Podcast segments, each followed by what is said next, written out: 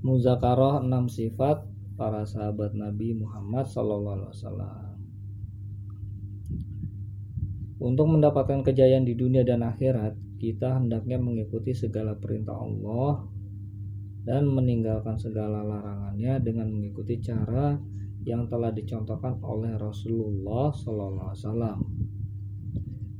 Karenanya perintah Allah itu sangat luas, maka alim ulama telah mengkaji Al-Quran dan hadis, lalu menyimpulkan bahwa para sahabat Nabi itu memiliki enam sifat yang unggul. Dengan adanya sifat itu, mereka telah mengamalkan segala perintah Allah dan menjauhi segala larangannya. Dan oleh sebab itu pula mereka mendapat kejayaan di dunia dan akhirat. Oleh karenanya jika sekarang ini kita dapat menghayati sifat-sifat tersebut dalam kehidupan kita, maka insya Allah kita pun dapat dengan mudah mengamalkan agama secara sempurna. Sebagai catatan yang dimaksud dengan kejayaan di sini, ini bukan kejayaan dari susah jadi senang, dari miskin jadi kaya, tapi yang dimaksud adalah sejauh mana perintah Allah dan sunnah atau cara hidup Rasulullah SAW ini diamalkan dengan sempurna, ini akan memberi kita kejayaan. Oleh karenanya jika kita dapat menghayati dan beramal dengan sifat yang sifat para sahabat yang mulia ini, insya Allah kita pun akan dapat kejayaan di dunia dan di akhirat. Sifat-sifat yang mulia daripada para sahabat tersebut ada enam. Yang pertama, yakin terhadap kalimat toyibah la ilaha illallah Muhammadur Rasulullah yang kedua, sholatnya khusyuk dan kudu. Yang ketiga, ilmu yang disertai dengan zikir. Yang keempat, ikramul muslimin. Yang kelima, niat yang ikhlas. Dan yang keenam, urut bilillah dakwah wa tablik dakwah dan tablik yang pertama nih sifat yang pertama kalimat thayyibah la ilaha illallah muhammadur rasulullah. Arti daripada kalimat la ilaha illallah Muhammadur Rasulullah adalah tiada yang berhak disembah kecuali Allah dan Muhammad adalah utusan Allah. Apabila kita mengucap kalimat ini dengan ikhlas dan yakin terhadap kalimat ini, maka kita telah membuat satu perjanjian dengan Allah bahwa kita akan mematuhi segala perintah-perintahnya dan menjauhi segala larangannya. La ilaha illallah ini adalah kalimat keyakinan. Hanya dengan kalimat yang betul, maka Allah Subhanahu wa taala akan mengaruniakan kepada hamba-hambanya surga yang lebih besar dan lebih luas daripada langit dan bumi. Nah, ini ada maksudnya nih. Maksud daripada kalimat la ilaha illallah yaitu adalah memasukkan kebesaran-kebesaran Allah Subhanahu wa taala ke dalam hati dan mengeluarkan segala kebesaran makhluk dari dalam hati. Bagaimana caranya? Untuk memasukkan kebesaran Allah Subhanahu wa taala dalam hati hendaknya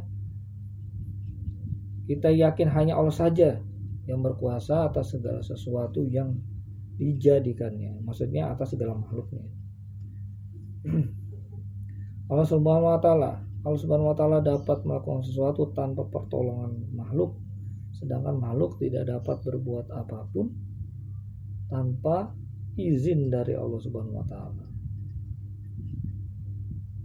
Contohnya ketika Raja Namrud melemparkan Nabi Ibrahim alaihissalam ke dalam kobaran api. Api itu tidak dapat membakar tubuh Nabi Ibrahim sedikit pun.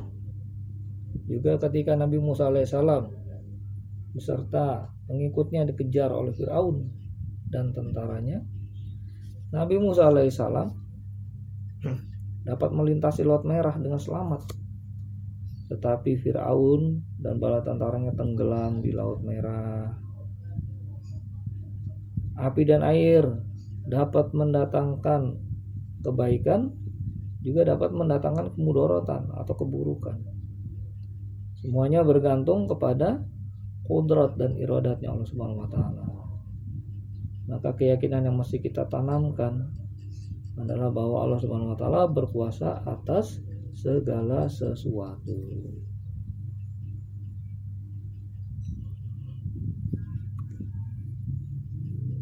Oleh karenanya dalam kehidupan sehari-hari kita harus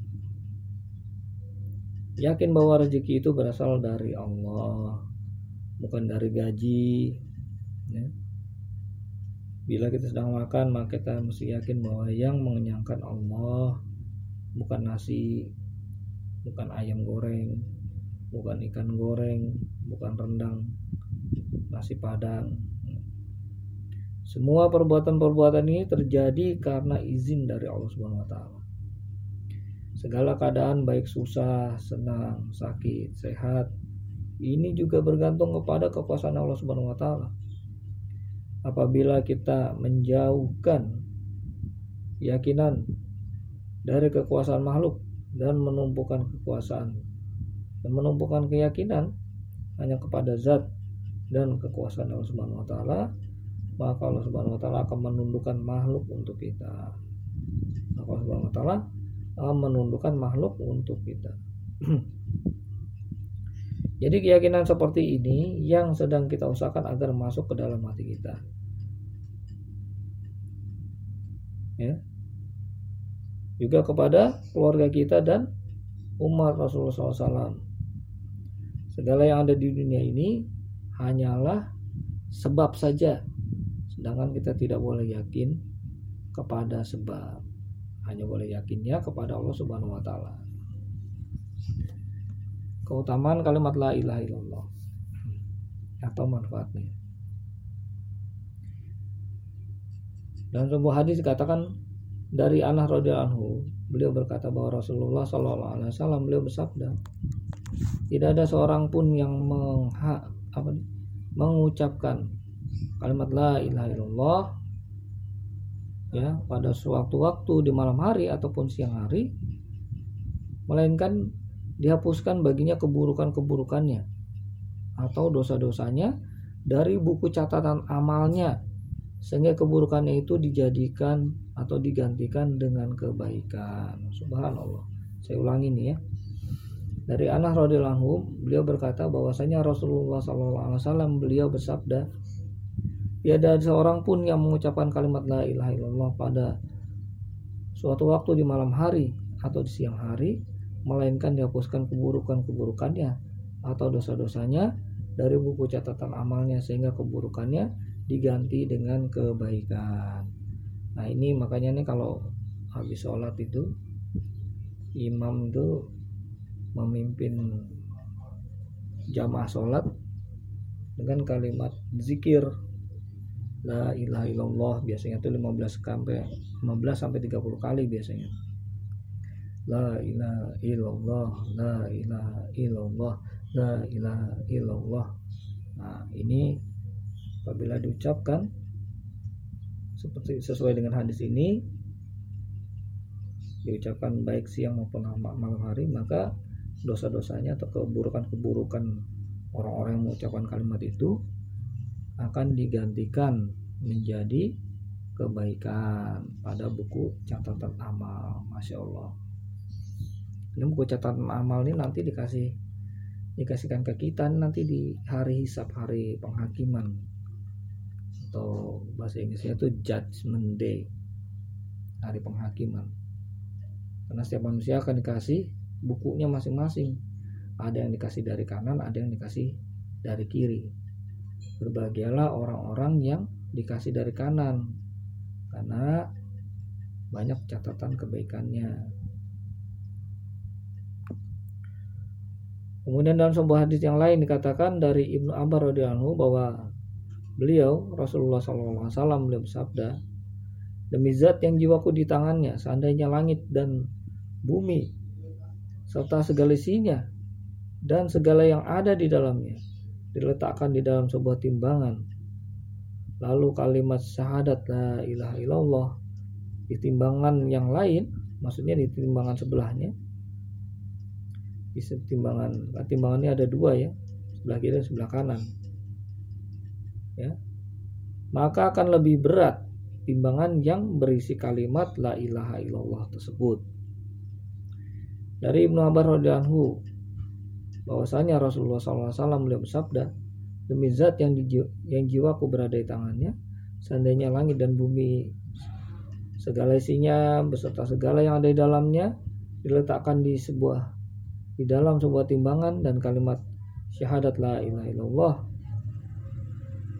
di sebelahnya sebelahnya lagi ya maksudnya di timbangan di sisi sebelahnya itu maka timbangan yang berisi kalimat la ilaha illallah itu akan lebih berat dibandingkan segala dunia dan segala isi-isinya. Subhanallah.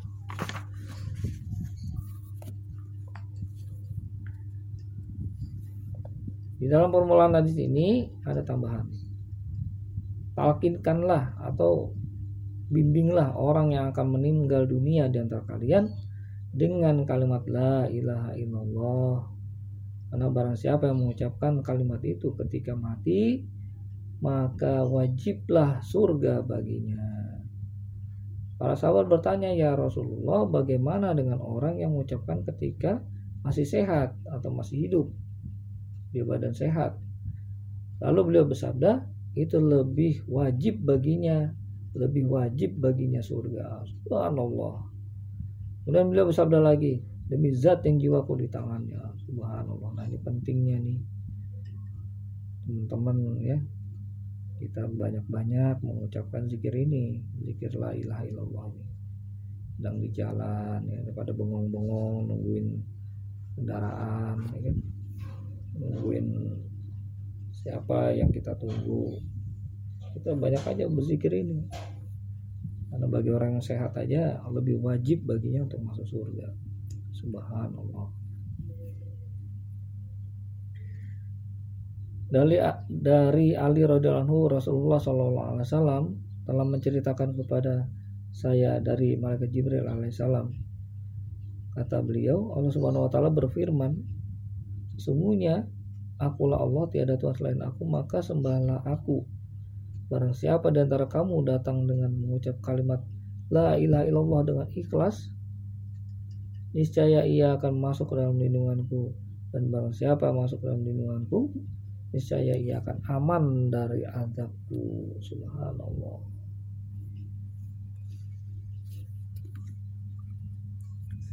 Dari Muaz bin Jabal radhiyallahu anhu Beliau berkata bahwa Rasulullah SAW bersabda, tidaklah seorang hamba mati dengan mengucapkan syahadat, ya, dengan mengucapkan kalimat asyhadu an la ilaha illallah wa anni rasulullah dengan hati yang teguh kecuali wajiblah baginya memasuki surga. Subhanallah. Dalam riwayat yang lain disebutkan kecuali dia pasti diampuni, maksudnya diampuni dosa-dosanya. Dari Anas radhiyallahu beliau berkata bahwa Rasulullah SAW bersabda pada hari kiamat nanti Allah tabaraka wa taala akan berfirman keluarkanlah dari neraka jahanam semua orang yang pernah mengucapkan la ilaha illallah dan ada iman dalam hatinya walaupun sebesar zarah. Dan keluarkanlah setiap orang yang pernah mengucapkan la ilaha illallah atau yang pernah mengingatku atau pernah takut kepadaku. Subhanallah. Ya, jadi ini teman-teman nih masya Allah.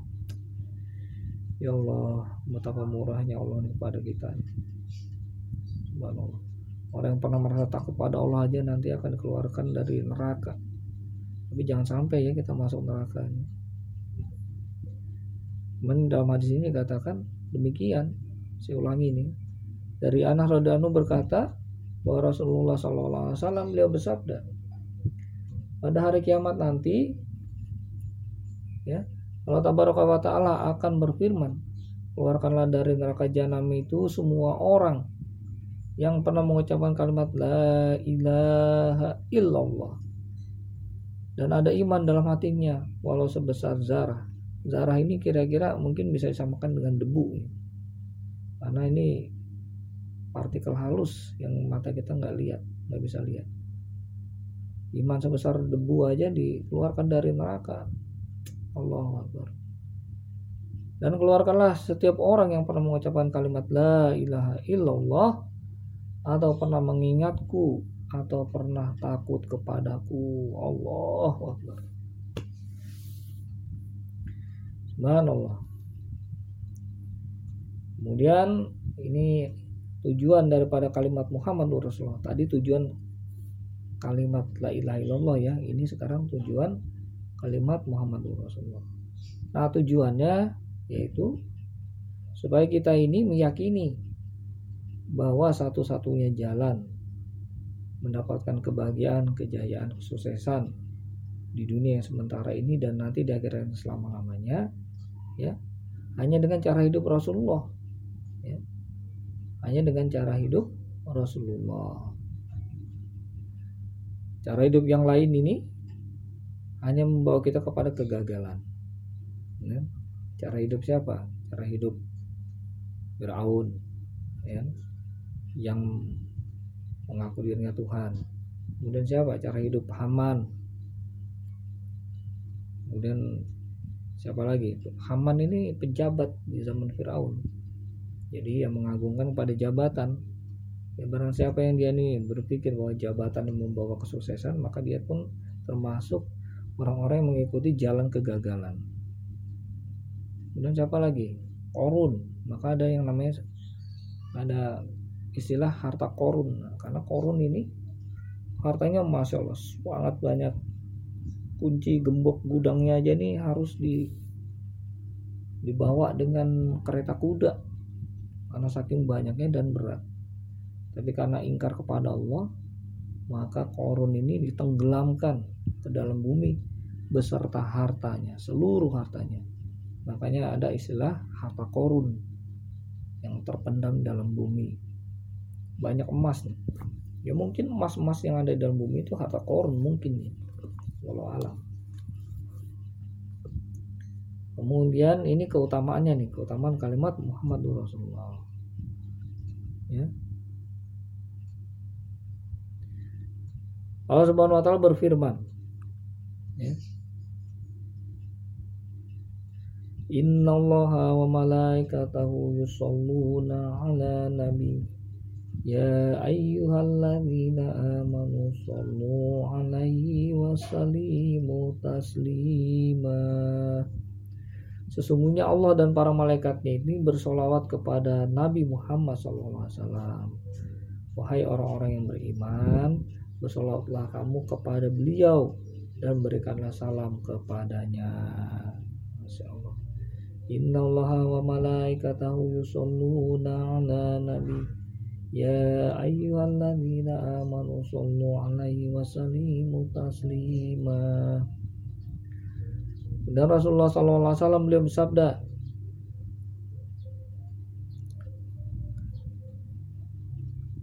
Apa nih Almat Al-Mutamasik Al-Mutamasiku bisunnati inda fasadi ummati. Al mutamassiku bisunnati inda fasadi ummati. Fallahu ajru syahid fallahu ajru syahid. Orang-orang yang berpegang teguh pada sunnahku pada zamannya umatku ini sudah rusak ya. Pada zaman umatku ini sudah rusak fasad ini rusak. Maka baginya mendapatkan pahala satu orang mati syahid. Falahu ajru syahid. Hanya dengan mengikuti satu sunnah saja ya sunnahnya Rasulullah SAW pada zaman yang sudah rusak ini ya sekarang kan zaman yang sudah rusak nih ya kan?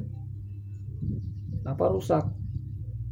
Ya orang Islam jarang ke masjid masjid banyak musola banyak tapi waktu azan yang sholat berapa orang kok? Berapa orang coba kemudian perempuannya juga banyak yang lalai tidak beribadah pada Allah akhirnya kehidupannya rusak banyak rumah tangganya rusak. Nah hanya dengan mengikuti satu sunnah saja pada zaman yang telah rusak ini maka Allah Subhanahu wa taala akan memberikan pahala yang demikian besar. Ini jadi petunjuk betapa sayangnya Allah kepada hamba-hambanya.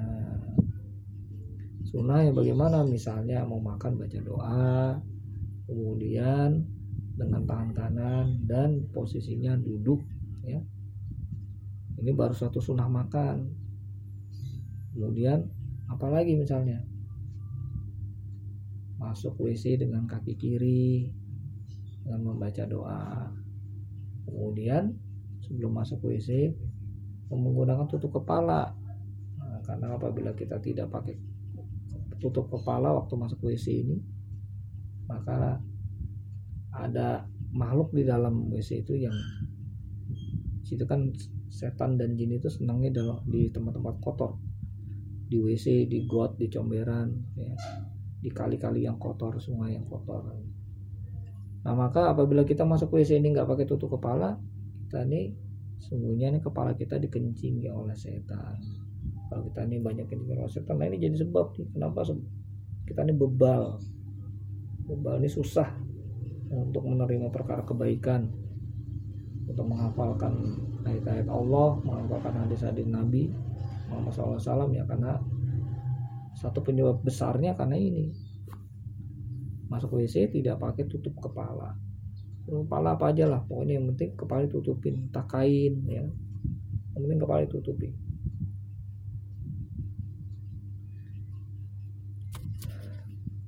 Kemudian dalam sebuah hadis yang lain, man ahya sunnati faqad aha faqad ahabani.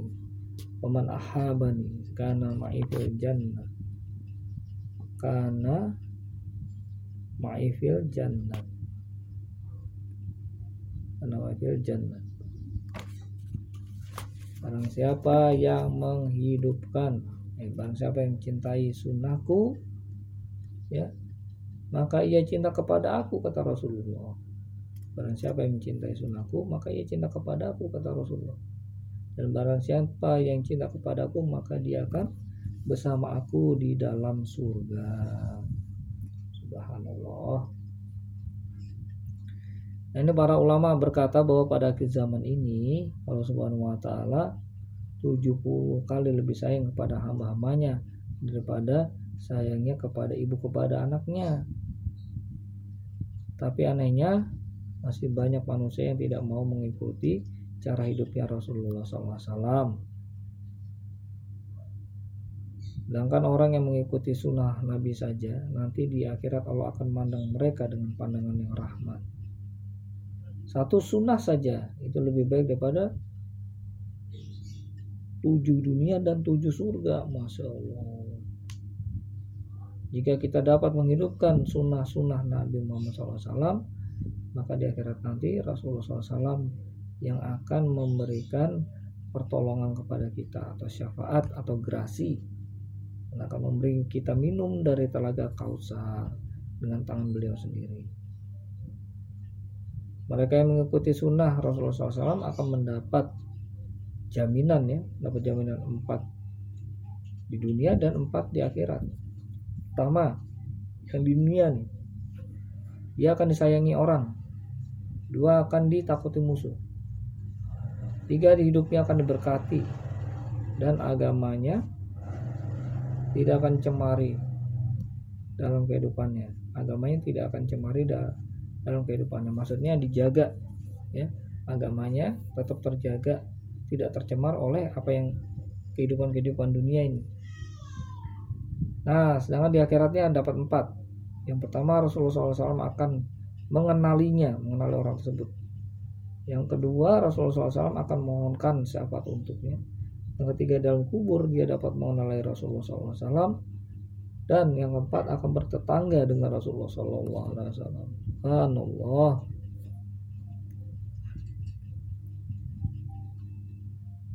Kemudian cara mendapatkannya.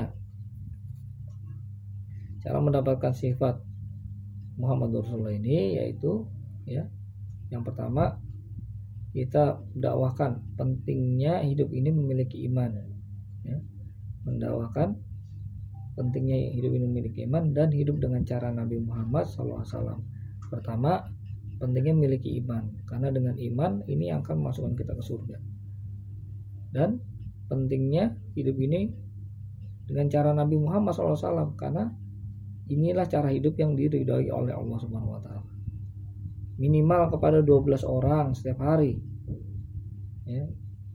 Ketika kita sedang usaha dakwah atau sedang beraja di rumah dan di masjid kita.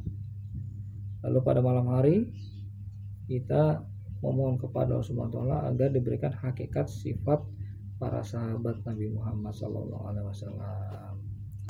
Masya Allah, subhanallah, alhamdulillah, wala ilaha illallah, Allahu akbar. Subhanallah wa bihamdi, subhanakallahumma wa bihamdika asyhadu an la ilaha illa anta astaghfiruka wa atubu ilaik. Assalamualaikum warahmatullahi wabarakatuh.